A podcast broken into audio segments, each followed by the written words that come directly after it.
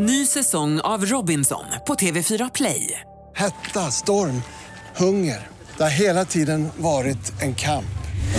Nu är det blod och tårar. Fan händer just nu. Det. är Detta är inte okej. Robinson 2024, nu fucking kör vi! Streama söndag på TV4 Play. Radio play.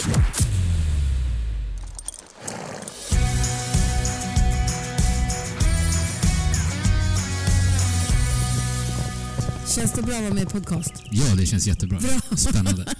Hur mycket häst pratar du? Eh, nej, jag skulle nog säga att det är stor del av min vakna tid. Det blir, det blir det. Man jobbar mycket eh, och eh, eh, är gift med en, med en eh, hästtjej eh, som har jobbat som ekviterapeut eh, med tävlingshästar hela livet också.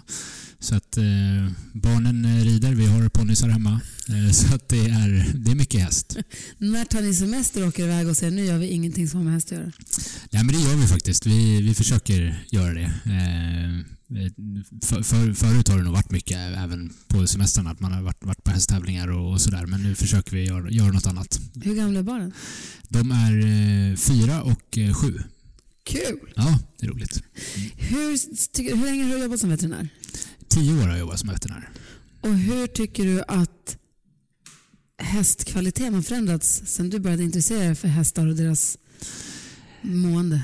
Jag tror att om man tittar på i alla fall eh, om man- tittar på hä- hästarnas eh, välmående så är det så att de, hästar har det väldigt bra i Sverige. Vi har ju väldigt god liksom, djurhållning och vi är duktiga på att försöka se till att de har det så naturligt som möjligt. Eh, sen om man tittar på tävlingshästar generellt så är det så att, att sporten blir tuffare och tuffare. Eh, om man tänker på tävlingshästar. Så att de eh, får ju högre och högre krav på sig. Eh, och eh, det, det blir ju såklart eh, en del skador som, som kommer i samband med det. Eh, man har ju pratat mycket om underlag och hur det påverkar modernt underlag påverkar hästarna eh, och så vidare. Men å andra sidan så numera så, så börjar vi inse att eh, hästarna eh, måste också förberedas för att gå på tävlingsunderlag så man tränar ofta på det också och varierar sin träning på andra sätt. Men det finns en, en del indikationer på att man faktiskt måste rida på det underlaget man ska tävla på sen också. Och att man inte ska variera för mycket i underlaget när man, när man tränar det tävlingsmomentet man håller på med. Men för underlaget borde väl vara, är underlaget mer anpassat till tävlingsresultat än till hästens bästa? Ja, det skulle jag nog säga att det är. För att det, är ja, det är nog lite dumt. Men, men det, det, det har nog varit så. Det är det som har säkert har drivit fram, om man säger från början i alla fall, drivit fram utvecklingen av eh, snabba fibersandsunderlag där man kan rida snabbare och svänga snabbare och så. Och det har ju från början medfört att man har fått ett annat skadepanorama än vad man hade innan det kom. Eh, sen är det ju så att nu på, har väl forskningen kanske kommit ikapp lite grann. Man försöker titta på vad som faktiskt är optimalt för, för hästarna att, att rida på. Mera. Så att det, det kommer ju tillbaka lite grann. Men eh, det har nog inte varit det som har drivit utvecklingen från början. Liksom. Berätta om din specialinriktning som du håller på att jobba med. Med rehabilitering? Ja. ja. Det har varit en enorm utveckling i, i eh, det, det behandlandet och diagnostiken av hästar. eh, Senast i alla fall sen jag började, sen tio år. Med magnetkameraundersökningar, med datatomografi och avancerade ultraljudsundersökningar och så. Så att vi börjar bli duktiga tycker jag på att, eh, att hitta skadorna, diagnostisera dem. Eh, också på att behandla dem. Det finns väldigt mycket bra behandlingar. Det finns allt från, från eh, traditionella behandlingar med, men sen eh, med stamceller och blodplättar och sådana saker. Kroppens egna antiinflammatoriska system och så som vi använder. Eh, så att det har vi blivit duktiga på. Det som eh, vi har släpat efter lite grann på det är nog rehabiliteringen. Eh, vilket eh, mer och mer blir tydligt att det kanske är den viktigaste komponenten när man ska få en häst eh, frisk och tillbaka på banan igen. Att man gör en rätt eh, igångsättning och att man eh, kommer igång ganska snabbt med att röra hästarna. Det är ju rörelse i A och O för hästar. Det är jätteviktigt att de kommer igång snabbt och, och rör på sig igen efter en skada.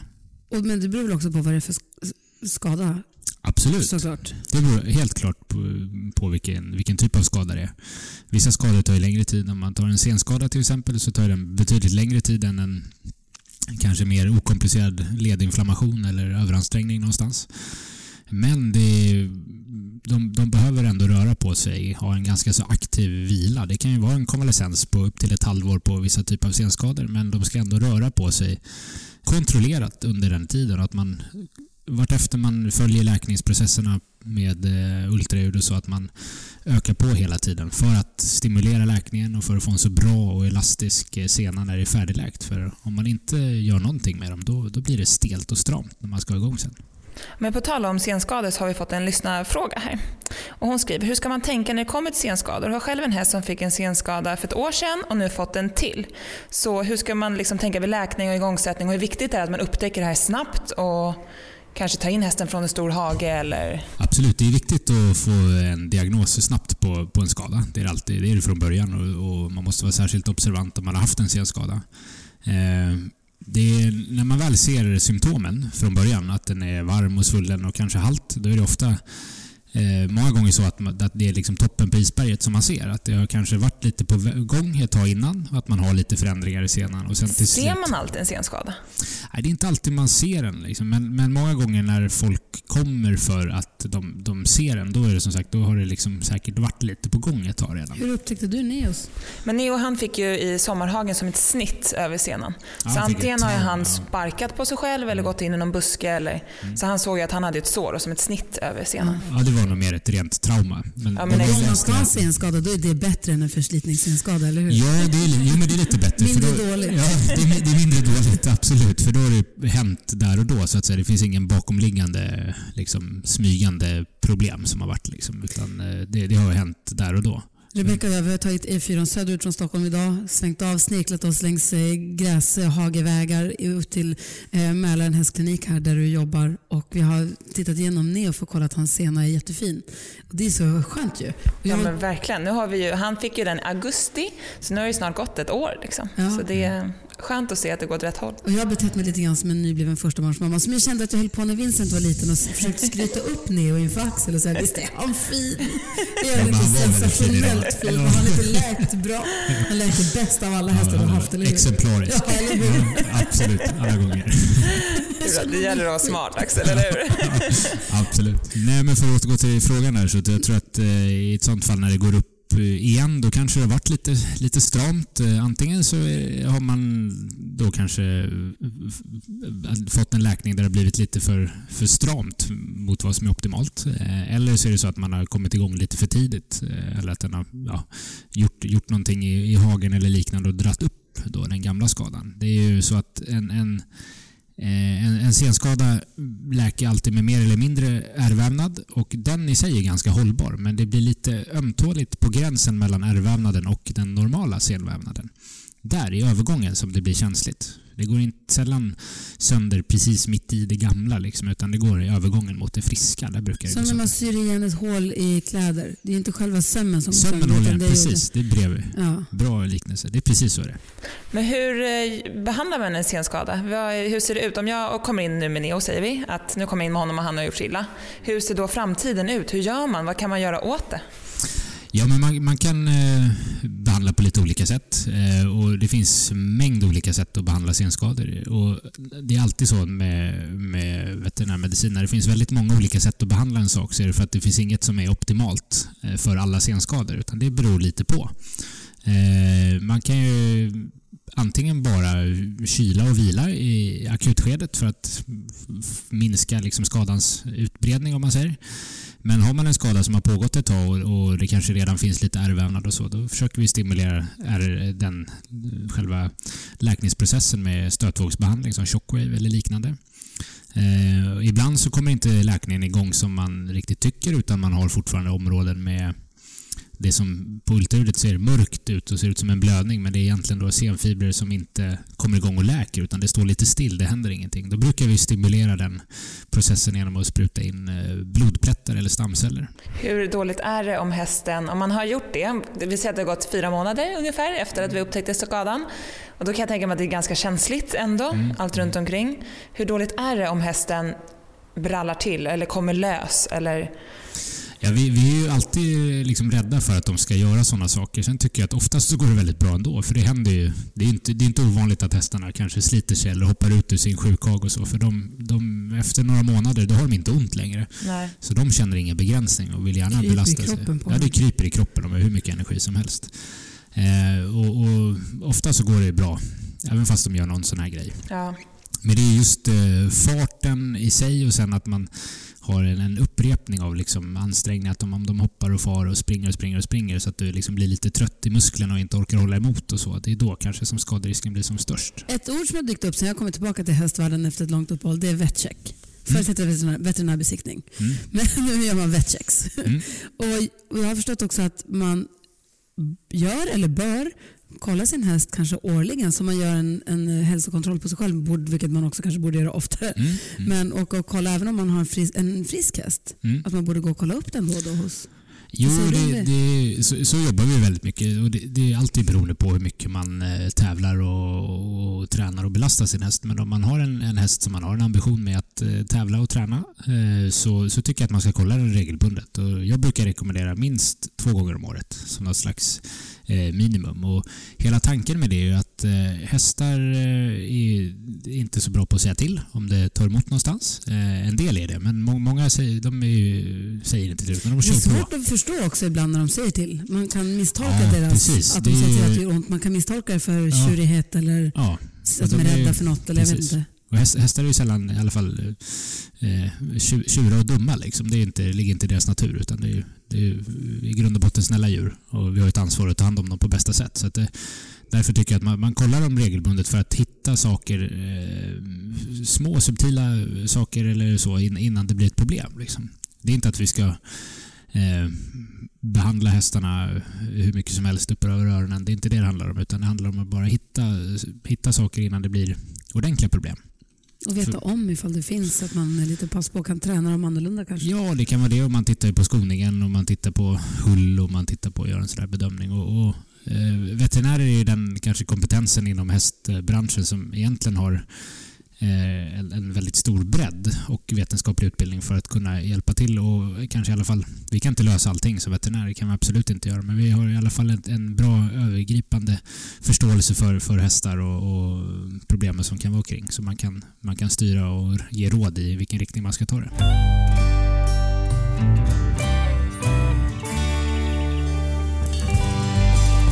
Har lite ljudstrul så vi har bytt inspelningsapparatur ifall ljudbilden låter annorlunda. Men vi sitter och pratar med Axel eh, om, och nu är jag inne på det här med om när man ska köpa häst. Om man nu tittar på häst och letar häst, vad ska man titta efter då när man, alltså ur veterinärsynpunkt tycker du? Jag tycker det är jätteviktigt att, att se att hästen har eh, haft en bra, eh, bra resultat tävlingsmässigt om det är en tävlingshäst. Att den har gått hela tiden och att den inte har varit i någon lång konvalescens eller vila precis innan man ska köpa den. För det, det kommer alltid vara saker man hittar på en häst eh, när man, eh, när man besiktigar eh, veterinärt. Men eh, många saker är ju okej att ha små avvikelser förutsatt att hästen har visat att den kan gå med det så att säga. Så att jag, jag tycker det är viktigt, kolla och fråga Eh, fråga vad den har, har för veterinärhistorik och så. Eh, förut så var det ju ofta så när, man kom, när hästarna kom för besiktningen, man, man frågar vad de har gjort innan, om de har haft några problem. Då säger de flesta att nej men den har aldrig varit behandlad, aldrig varit hos veterinären, för aldrig behövts eller så vidare. Eh, och, och det är numera så är det så i och med att vi, vi är noggrannare och kollar våra hästar och, och kanske behandlar dem tidigare för att eh, det inte ska bli några allvarliga problem. Så de flesta hästar är ju behandlade veterinärt någon, någon eller flera gånger under sin karriär. Och det är inget konstigt, då är det bättre att man får ta del av det. Och många är ju öppna och delar med sig av journaler och man är, pratar öppet om, om historiken på hästen när, när man besiktigar, vilket är bra tycker jag. Så när du skriver en Neos journal sen, då skriver du extremt fin häst, gott läkkött. Jag har aldrig sett en häst rehabba sig så bra som den här. Absolut. Jag rekommenderar köp alla dagar i veckan. Skriver. jag. Ja. Men hur mycket ska man kolla då? Hur mycket ska man röntga hästen och vad ska man be veterinären kolla när man sen ska köpa den? Det är ju helt beroende på vilken disciplin det är och, och vad hästen kostar, hur stor investering det är för en själv och så. Eh, numera så röntgar vi, de flesta tävlingshästar röntgas eh, när, de, när de besiktigas så det är ju för att det är en, som sagt, det är en stor investering och man vill också ha den möjligheten att sälja hästen vidare. Och det har blivit lite så att man måste ha en, i alla fall en rimligt god eh, röntgenstatus eh, för, för att liksom kunna sälja den utan problem i framtiden. Eh, man ska inte leta efter felfria hästar som sagt, det, ska man inte göra. Men det är bra att få upp det till ytan om det är några stora grejer som, mm, som kanske kommer upp på röntgen. Som, då är det bra att veta det. Och det är bra att lyfta upp det vid besiktningstillfället. För det är lättare att ta en diskussion där och då än om det blir problem efter ett halvår och man ska försöka ja, strula och lämna tillbaka och, och sådär. jag, jag tycker att det, det kan vara bra att röntga rimligt många, inte, inte för många bilder eller några sådana överdrivet stora studier. Så eh, det, det, behövs i regel inte, men det är bra att ha en liten överblick i alla fall av, av eh, läget på, på röntgen också tycker jag. Och då om jag är och kollar på en häst och den har lite galliga ben. Det är ganska vanligt ändå att hästarna har lite som små svullnader nere vid kotan. Hur, liksom, hur farligt är det med galliga ben och var kommer det ifrån? Och finns det någonting man kan göra emot det eller ska man bara låta det vara? Ja, nej men det, det är ju precis. Alltså galler kan ju bero av eh, en mängd olika saker. Eh, nu så här års på våren då är det många hästar som blir lite mer galliga. Eh, och det har med, eh, egentligen med, med bakterier i tarmen som det blir en förändrad tarmflora på dem och då, då, då, kan det konstigt nog ge att de blir galliga i benen. För att man får, det är sjukaste jag hört. Ja, men, varför, blir de, varför får de svullnader på benen? För att de har kall i tarmarna? Nej, de är, det, det, är för att de får in, eh, går och pillar i sig det här gröna fina gräset som har ganska mycket näring i sig och då växer det till bakterier som producerar eh, Eh, Eh, histamin och histamin gör att blodkärlen vidgar sig och då får man eh, liksom, det släpps ut lite mer vätska i, i, i eh, benen och de blir galliga helt enkelt. Så det, det är ganska vanligt så här års och det behöver man inte vara orolig för. Men eh, när, man, när man tittar på häst om man ska köpa och det är, de är lite galliga så. Det, en, en äldre häst, liksom över medelåldern, om så 10 plus i alla fall, då, då tror jag att då kan man acceptera lite galler. Men de ska inte vara för hårda. Eh, och de ska inte vara varma och eh, det ska inte vara bara en galla på ett ben för då blir man lite mer misstänksam. Är de lite smågalliga på, på båda fram eller båda bak eller så, då, då tycker inte jag i regel att det behöver vara någon fara.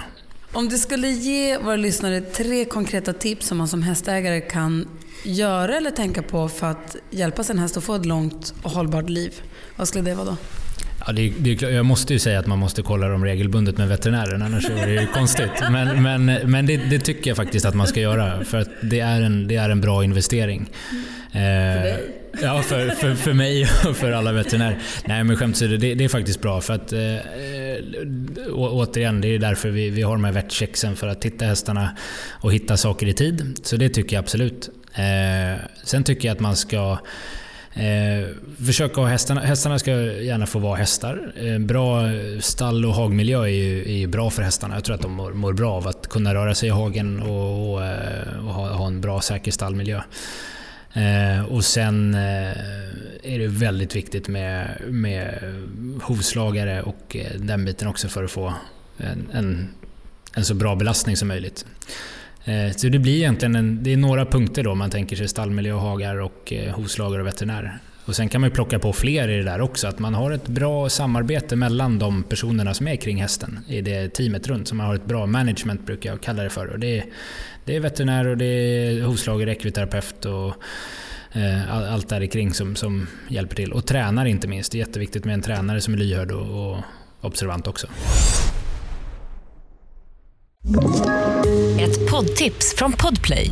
I fallen jag aldrig glömmer djupdyker Hasse Aro i arbetet bakom några av Sveriges mest uppseendeväckande brottsutredningar. Går vi in med hemlig telefonavlyssning och, och då upplever vi att vi får en total förändring av hans beteende. Vad är det som händer nu? Vem är det som läcker? Och så säger han att jag är kriminell, jag har varit kriminell i hela mitt liv men att mörda ett barn, där går min gräns. Nya säsongen av Fallen jag aldrig glömmer på Podplay.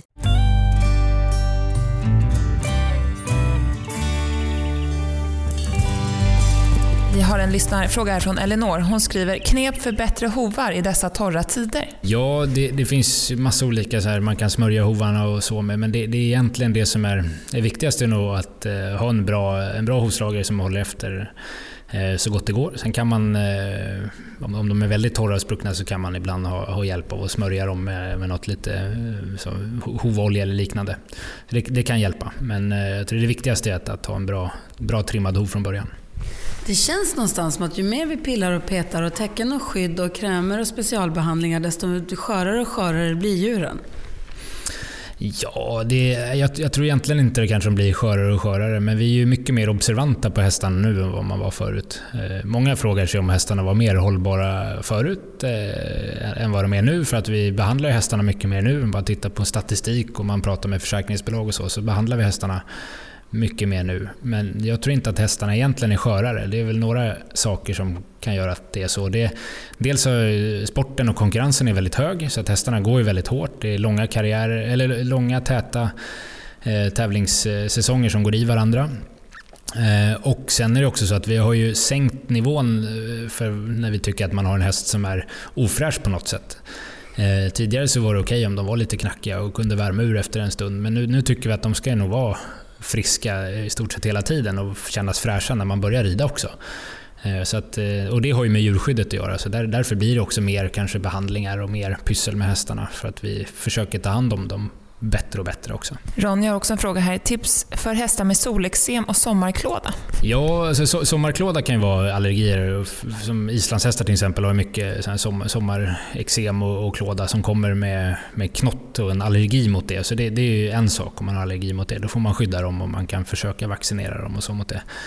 Men eh, om det är sån solexem som, som kommer, eh, då är det att, att försöka täcka de utsatta områdena. Det är ofta vita eh, mular och, eller vita ben som kan, eh, som kan få eh, för mycket sol och bli solbrända för där har de inget pigment i huden så det är känsligt. Och då får man eh, skydda så gott det går. Man kan smörja.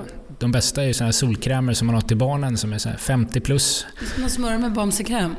Absolut. Jag eh, skulle använda någon sån Bamsekräm eller liknande. Det är mycket bättre. Det finns ju några för hästar, som Hellosan Solo, men det är, inte så mycket, det är inte så mycket solfaktor på dem. Och de liksom smetar av den när de går och betar. De här fantastiska barnkrämerna som barnen kan bada en hel dag i och fortfarande vara helt vita om kroppen, de är perfekta. Så något sånt skulle jag köra på. Är det sant? Jag har ju haft häst i Luleå, jag har inte riktigt haft det problemet. Och tala om det där med solexem. Vi har en häst i stallet som har liksom haft ett problemben. Det har varit lite svullet, det har varit, han har haft lite mugg, han är skimmel. eh, och han har haft liksom som lite knottror i det benet. Och då kommer det in liksom bakterier där under, så man vill ju hålla det liksom rent och torrt. Men då har han ju också fått sämre pigment där. Att det är, man känner att det är tunn hud och inte så mycket hår kvar.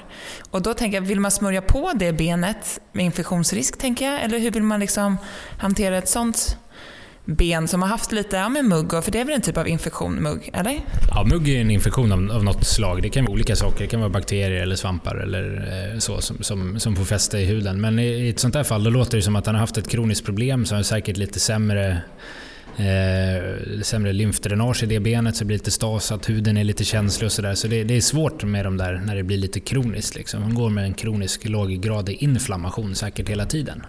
Och då blir huden känsligare för just infektioner och så också, att det kommer in bakterier. De får lättare att tränga in i huden då. Eh, men det är, det är svårt att säga i ett specifikt fall, men det, det viktiga är ju att försöka hålla det ändå rent och, och mjukt och, och torrt. Det är lite en svår kombination att få till, men det, ja, det, det är svårt i sådana där fall när det är kroniskt. Eh, ibland så kan man ju hitta någon bakomliggande orsak till det så att det kan vara värt att, att eh, titta på det. Numera finns det ju till och med dermatologer på häst eh, så att man kan eh, vända sig till en specialist som, som kan ta en biopsi och titta på om det kan vara någonting som faktiskt går att behandla på något annat sätt om det har hållit på så länge. Alva frågar, en häst som ofta står och vilar ett visst bakben, är det vanligt att de har ett liksom favvoben som de vilar eller ska man börja fundera på om det kan vara någonting där bakom? Jag tror inte att eh, hästar har ett favoritben som de vilar för att de, de tycker det är skönt att vila just det benet. Utan det brukar vara för att det är någonting som att de är lite trötta av någon anledning. Håller det i sig och att det alltid är samma och de vilar mycket och sådär, då kanske det är dags för att ta en sån där vettcheck för att kolla. Det är väl sån, en sån liten varningssignal som man kanske ska vara observant på. Då kanske det var dags. Innan man upplever att det är ett problem så tar man en check. Kollar om det är någonting. Det finns ju massa alternativmedicin för hästar. Alltså allt från massörer till hästviskare, hästpratare. Alltså det finns ju allt möjligt. Eh, hur tycker du att man ska förhålla sig till, till alternativ, ja, alternativhjälp heter det va? Eller vad kallar man det? Ja, men till ja, alternativ medicin eller vad man vill kalla det för. Det, det är, jag kan tycka att det har en, en plats i väldigt många fall. Eh, vi arbetar med eh, ekviterapeuter här på kliniken Eh, och en sjukgymnast. Eh, och eh, det är någonting som, som vi tar till när... För allting kan, in, kan man inte lösa som veterinär. Vi kan ju lösa rent liksom, medicinska problem och hältor och sådana saker. Men en del saker när det gäller att komma igång efter, efter skador och muskelstillhet och när man har tappat lite funktion i vissa leder eller delar av, av hästen så är det en jätteviktig del och till stor hjälp många gånger med någon sån då, alternativbehandlare. Det som gäller när man, när man kommer dit, det gäller att ta reda på vad är det för någon kompetens de har, den som man har tänkt använda sig av. Eh, jag tycker att man gärna frågar sin veterinär eh, om det kan vara en bra idé. Eh, jag tycker att det, det som många ger fel, om man nu ska komma in på det där med stalltips, så, så en, en grej som jag tycker är väldigt bra, det är att har man problem med sin häst, någonting i, i ridningen, eller träningen så, som inte fungerar, som inte känns bra. Eh, det kan ju vara att den är motig och dum och istadig eller bara känns väldigt stel i ena varvet eller sådär. Jag kan tycka att det är ganska bra att man börjar med en, en veterinärkontroll för att utesluta att det är någonting som, eh, som gör ont eh, eller som, som den är halt av eller så. Och sen kan man gå vidare och ta hjälp av eh, med tränare eller eh, eh terapeut eller så för att, för att komma till rätta med problemen. Många gånger gör ju folk eh, det lite misstaget att man, man försöker väldigt mycket annat för man kanske är lite rädd att gå till veterinären. För att man, Alltså jag hade känt mig skitdum att komma hit med min häst och säga Axel, min häst är lite stel i höger varv när jag rider. Vad kan det vara? Man bara, ja, se på din ridning till att börja med. Alltså, Nej men, nej, men, ja, men ja, jag förstår hur du tänker. Men, men jag tycker tvärtom. Jag vill ju sänka tröskeln för, för folk att, att göra just en sån koll. Det, det är i sånt läge när man säger att den är stel och det är si och det är så. Det är där det är läge för en sån här vettcheck. Vi kan inte tjata nog om det tycker jag. För det, då kan man gå igenom den och kolla och se, och är, det, är allting bra liksom, där? Jättebra. Då kör man ju vidare. Då, rid igenom det här nu Gry. Fasen, nu får du ta och hjälp, skärpa till dig och ta hjälp så när jag får vingliga sluter, då kommer jag. Ja, precis.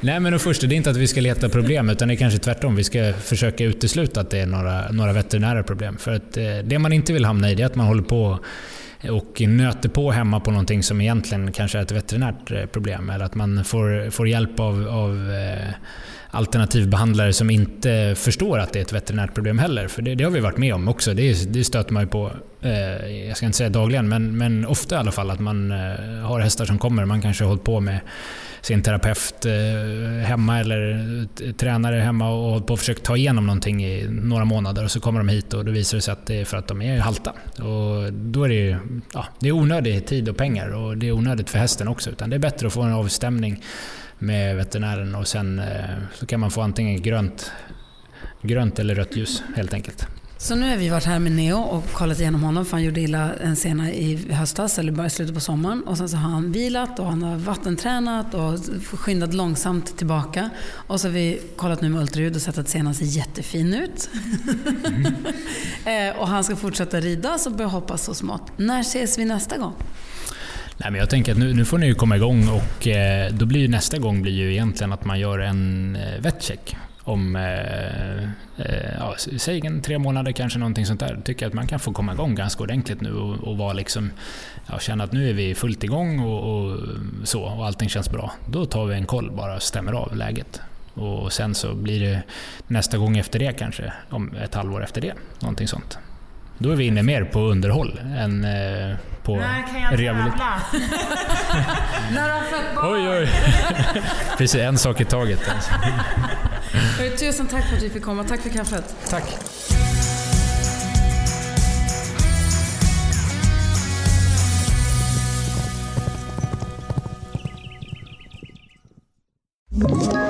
Ett poddtips från Podplay. I podden Något Kaiko garanterar östgötarna Brutti och jag, Davva, dig en stor dos skratt. Där följer jag pladask för köttätandet igen. Man är lite som en jävla vampyr. Man har fått lite blodsmak och då måste man ha mer. Udda spaningar, fängslande anekdoter och en och annan arg rant. Jag måste ha mitt kaffe på morgonen för annars är jag ingen trevlig människa. Då är du ingen trevlig människa, punkt. Något Kaiko, hör du på Podplay. Därför är gardinerna.